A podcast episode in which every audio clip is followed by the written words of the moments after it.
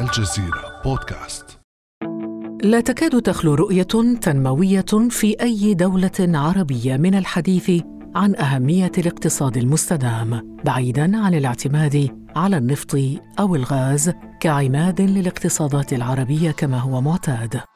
وعلى المستوى الوطني فإن دولة قطر في ضوء رؤيتها الوطنية 2030 اتخذت العديد من الإجراءات لتطوير التقنيات المراعية لتغير المناخ وتبني الطاقة النظيفة والاستخدام الأمثل للمياه من أجل التقليل من فقدان المياه المحلات وتشجيع على إعادة تدوير المياه وإعادة استخدامها. وتحسين جودة الهواء وتعزيز كافة استخدام الغاز والطاقة وإعادة تدوير المخلفات وزيادة المساحات الخضراء.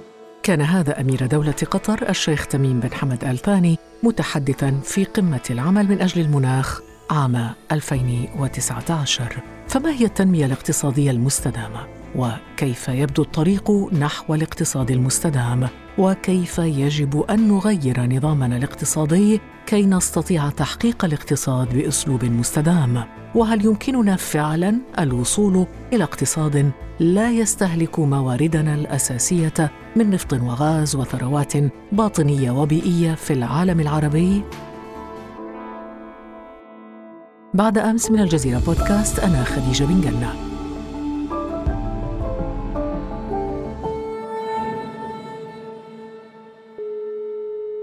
أطرح هذه الأسئلة وغيرها على الباحث الاقتصادي السيد يونس كريم في باريس. نرحب بك سيد يونس أهلا وسهلا بك. أهلا وسهلا بحضرتك بالمستمعين الكرام. أستاذ يونس كريم بداية ماذا يعني مصطلح الاقتصاد المستدام؟ مصطلح الاقتصاد المستدام يقصد به التنمية أي محاولة تحسين دخول الأفراد، محاولة تحسين مستوى حياة الأفراد بحيث يستطيعون الحصول على الغذاء الكافي، محاولة الحصول على وسائل العيش بشكل مستقر وهذا هو الأساس. مع مرور الوقت دون أن يضر هذا الأمر بقدرة الأفراد الأجيال القادمة أولادنا المستقبلين بالحصول على الغذاء الكافي، بالاستقرار الحياة لديهم بحيث لا يعانوا من أي اضطراب مستوى الغذاء أو مستوى البيئة أو انتشار الأمراض نتيجة استخدامنا الحالي لهذه الموارد. يعني الاقتصاد الحالي لا يرقى إلى تسميته بالاقتصاد المستدام الآن؟ بالحقيقة الآن مع الاضطرابات السياسية والحروب ومن ناحية ومن ناحية انتشار جائحة كورونا لا أعتقد أن الاقتصاد المستدام الآن يمكن تسميته بهذه التسمية الآن ربما الآن فيما بعد عندما يتم مجابهة جائحة كورونا وعودة الاقتصاد إلى العمل من جديد أعتقد أن المجتمعات سوف تعود إلى السعي نحو اقتصاد مستدام نحو اقتصاد أكثر بيئيا اقتصاد أكثر عدالة للأفراد. هناك مساعي حثيثة من دول العالم للوصول إلى الاقتصاد المستدام. ما الذي يجب أن يحدث برأيك كي يصبح اقتصاد أي دولة أكثر استدامة؟ بالحقيقة الخبراء وضعوا حدود لتسميه هذا المجتمع مجتمع مستدام أو مجتمع غير مستدام. اولا انطلقوا من البيئة والبيئة على انها هي الأساس والمورد الذي يعطينا الإمكانيات يعطينا السلع الأولية التي تستخدم بزيادة النشاط الاستثماري، تستخدم لتلبية حاجات المواطنين والأفراد وهذه هو أساس التنمية المستدامة أن الأفراد يحصلون على احتياجاتهم وبالتالي هم وضعوا متى كانت البيئة مستقرة قادرة على المنح بشكل مستقر بشكل متوازي احتياجات الأفراد كلما سمت هذه البيئة بيئة مستدامة. ثم انتقلوا إلى النقطة الثانية الذي تساعد البيئة المستدامة بتلبية حاجات الأفراد وهو بالاقتصاد. وهنا حددوا النمط الذي يجب أن يكون عليه الاقتصاد أي أن الاقتصاديات الأخرى لا يمكن إدراجها ضمن الاقتصاد المستدام وهنا سموه بالاقتصاد السوق. أي الاقتصاد الذي يسعى فيه الافراد جميعهم إلى الربح بشكل باقصر مدة وبالتالي هذا الامر يعمل على زيادة الاستثمارات يعمل على زيادة الأعمال وبالتالي القضاء على البطالة يعمل على إعادة توزيع الثروات وبالتالي هنا المجتمع كله ينعم بالدخول المرتفعة ينعم بالرواتب والأجور التي تستطيع الحصول على الخدمات على السلع التي يحتاجها الأفراد. وبالتالي هذا الأمر أيضا للاقتصاد لكي يستمر بهذا المنح لابد أن يكون هناك بعد اجتماعي وثقافي. يعني لا يمكن التفكير في اقتصاد مستدام إلا بمحاربة الفقر وتعزيز فرص فرص التعليم والثقافة وما إلى ذلك. هذا الذي وضعوه ما بين الخطوط أو ما بين الهوامش الخبراء بقول أن على الدولة أن تخطط. الأفراد لا لا يجنحون إلى نحو تعليم الآخرين. بالعكس الأفراد بسعيهم نحو تحقيق الربح سوف يسعون إلى الاكتناز هذه الثروات لنفسهم. لذلك جاء البعد الثقافي البعد الأخلاقي ليضغط على الأفراد بحيث أنهم يقدموا جزء من ثرواتهم إلى الدولة لإعادة تخطيطها نحو الاتجاه نحو محاربة الفقر نحو التوسع بعملية التعليم وهذا هو شرط من الشروط الأساسية لتحقيق التنمية المستدامة. طب الاقتصادات المعتمدة على تصدير الغاز والبترول كما هو الحال في عدد من الدول العربية هل يمكن وصفها بالمستدامة؟ الحقيقة هون النفط هو يعتبر القاعدة الأولى نحو المجتمع المستدام رغم ما يخلفه من رواسب كبريتية رواسب تلوث البيئة والتي تؤثر على الصحة العامة وبالتالي تقود إلى الأمراض وهذه الأمراض تحتاج إلى تخصيص جزء من إمكانيات الدولة لبناء قطاع صحي كبير آه، وبالتالي الابتعاد الدولة تضعف الدولة بإمكانياتها المادية إلا أن النفط بفوائد المالية تستطيع تستطيع أن تمكن الدولة من الانطلاق نحو بناء قاعدة اجتماعية وقاعدة تعليمية تنطلق نحو قاعدة صناعية تنطلق لتلبيه احتياجات هؤلاء الأفراد للحصول على السلع لزيادة دخولهم وبالتالي تحسين مستوى الحياة لزيادة الأجور أستاذ يونس في عندنا أمثلة لدول نجحت فعلا في الانتقال إلى اقتصاد مستدام؟ طبعا طبعا النرويج هو نموذج شائع والأشهر عالميا، النرويج تملك 1% من الاحتياطيات العالمية للنفط، 75% من احتياطيات الغاز بأوروبا، وضعت صندوق آه، سموه صندوق النفط الحكومي عام 1990 هذا الصندوق هدفه هو الحصول على الأموال من الفوائد البيع النفطية الخارج الموازنة العامة واحتفاظ بها للأجيال القادمة بحيث لا تتأثر مستوى رفاهيه الأفراد مع مرور الوقت. يتم استثمار هذه الأموال آه، بالبحث عن الطاقات المتجددة آه، بتخفيف من النفط كون النفط بالنهاية يستهلك الآلات يستهلك البيئة والانتقال إلى الطاقة المتجددة. أما بالنسبة لسؤالك نحو الغاز الغاز يعتبر آه، الخطوة الثانية من الاتجاه نحو الاقتصاد أو التنمية المستدامة لأنه لا يؤثر على البيئة كما يؤثر القطاع النفطي كما أن العالم العربي وهنا الذي يهتم به المستمع أنه غني جدا لديه ثلث الاحتياطيات العالمية بالغاز وهو لا يؤثر على الآلات والمعدات وعلى البيئة كالنفط. وبالتالي وكما أنه الاحتياطيات الغاز باكتشافات متزايدة. هذا الأمر سوف يدفع إلى المزيد من الأعمال لمزيد من الفوائد المالية التي توسع البنية الاستثمارية وبالتالي توسع نحو الإنفاق الاستثماري وإيجاد الأعمال. وهذه الأعمال تعني وجود رواتب والرواتب تعني الناس تصبح بحاله غنى وبالتالي تصبح مستوى الحياة أفضل مستوى التعليم أفضل وهو ما ترمي إليه التنمية المستدامة. أستاذ يونس هل الدولة فقط هي من يحدد مسار الاقتصاد؟ المستدام أم أن للقطاع الخاص أيضا دور يلعبه في هذا المجال؟ بالحقيقة هذا الأمر مختلف من مجتمع لآخر، المجتمعات العربية لا توجد بها حكومات مركزية قريبة من الشعب، قريبة من من تطلعات المواطنين نحو رؤية السلطة، وبالتالي هناك نخبوية ما بين السلطة وما بين الجماهير، في حين المجتمعات الغربية الأوروبية أو الأمريكية نلاحظ أن السلطة هي تحاسب وهي قريبة من المواطنين وبالتالي بالتالي هذا الاندماج يختفي معه الحدود أين توجد السلطة وأين الأفراد وبالتالي يصبح الجميع المجتمع مسؤولية الجميع مسؤولية القطاع الخاص ومسؤولية الحكومة نحو الرقيبة.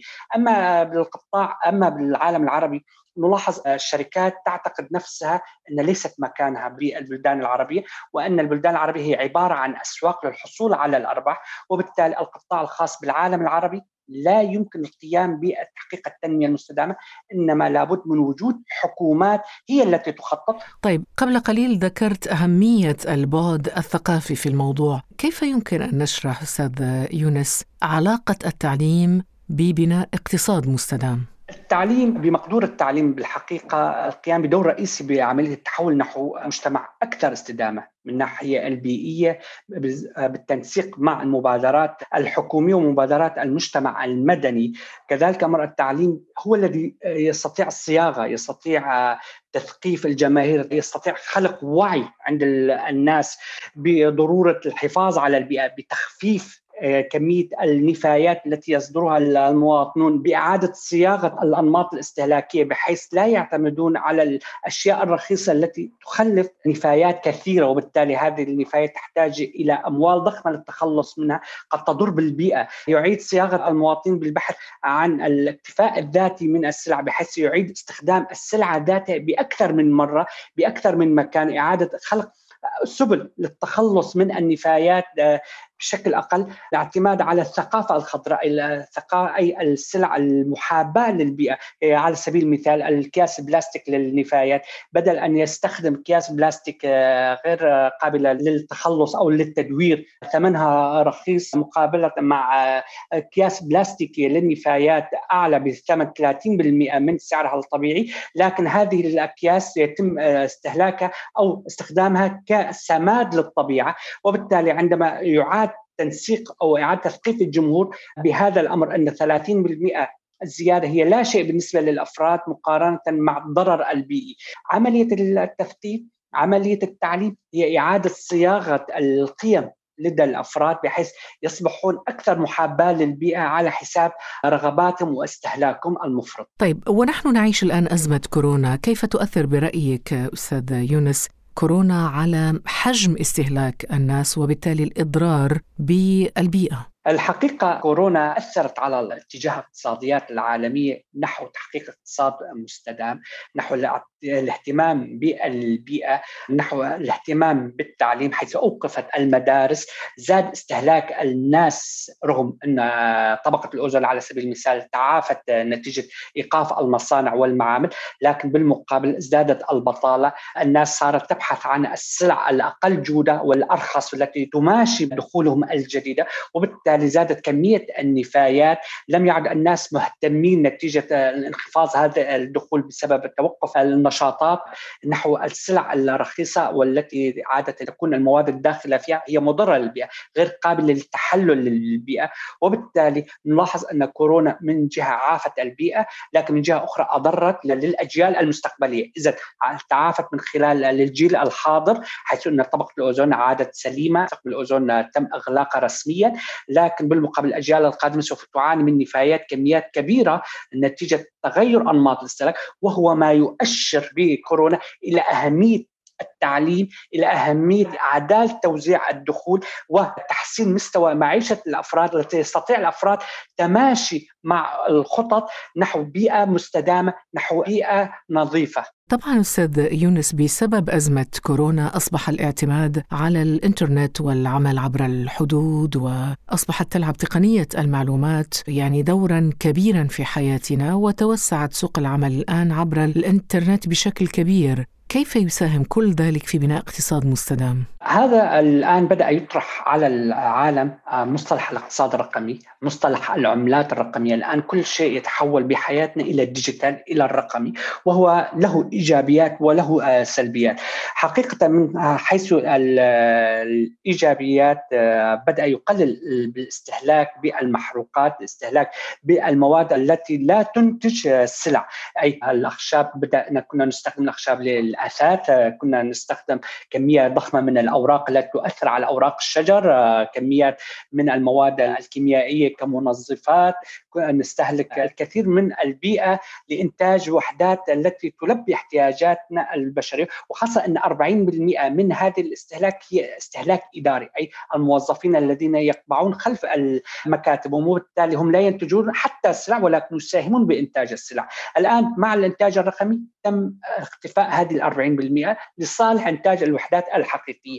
أيضا أصبح هناك زيادة بكفاءة السلع وجودتها، أصبح تقليل من استخدام المواد الملوثة كما ذكرت على سبيل التبسيط، المواد الكيميائية المستخدمة بالتنظيف، المواد حتى المياه الخارجة المستخدمة بالتنظيف هي مواد كمية كبيرة منها هي مواد ملوثة تحتاج إلى إعادة تدوير وبالتالي كان التدوير يحتاج إلى مواد كيميائية. اي كنا ندخل بحلقة مغلقة من التلوث البيئي لكن بالمقابل هناك أصبح أيضا الاقتصاد الرقمي ألقى تبعات ثقيلة على الأفراد من حيث تم هيكلة العماله أي تقليص عدد العمال أكثر من 40 إلى 60% على حسب نوع العمل وبالتالي هنا زادت البطالة.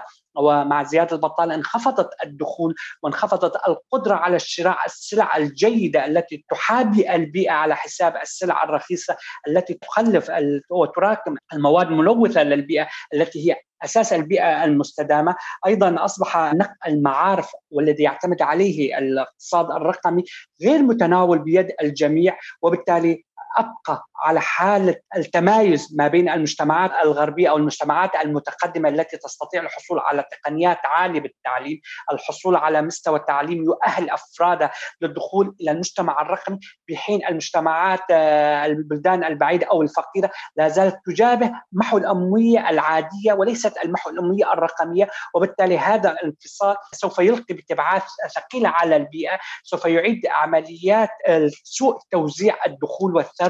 وبالتالي التأثير على البيئة بحيث أنه كأن المجتمعات الاقتصادية تعيد دورتها من جديد بحيث انه هناك مجتمعات رقمية نظيفة محاباة للبيئة على حساب مجتمعات بيئية متخلفة آه، رقميا وبالتالي متخلفة بيئيا وبالتالي تعاني من التهميش وهذا الأمر يعيدنا من جديد نحو. هل التنمية المستدامة تلائم جميع المجتمعات. هل هي فعلا تلائم كل المجتمعات؟ بالحقيقة لا باعتقادي الشخصي. فعلى سبيل المثال المجتمعات العربية طبعا أنا لا أخصص المجتمع عربي عن الآخر. المجتمع بالعموم العربية تعاني من ضعف التنمية المستدامة رغم أنه يوجد دول كالخليج العربي حقق مراتب بعام 1900 2019 مراتب متقدمة بالتنمية المستدامة لكن العالم العربي بإمكانياته البيئية وبإمكانيات الأفراد لا يمكن اعتبار إلا هناك تبديد لثروات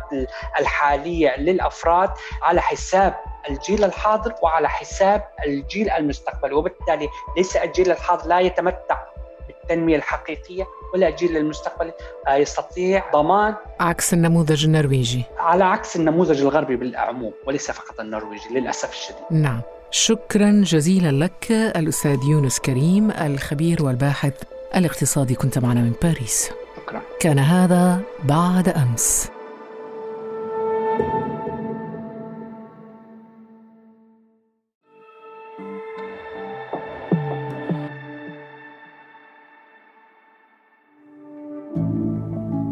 على تواصل مستمر مع الجزيرة بودكاست ولا تنسى تفعيل زر الاشتراك الموجود في تطبيقك لتصلك الحلقات يومياً.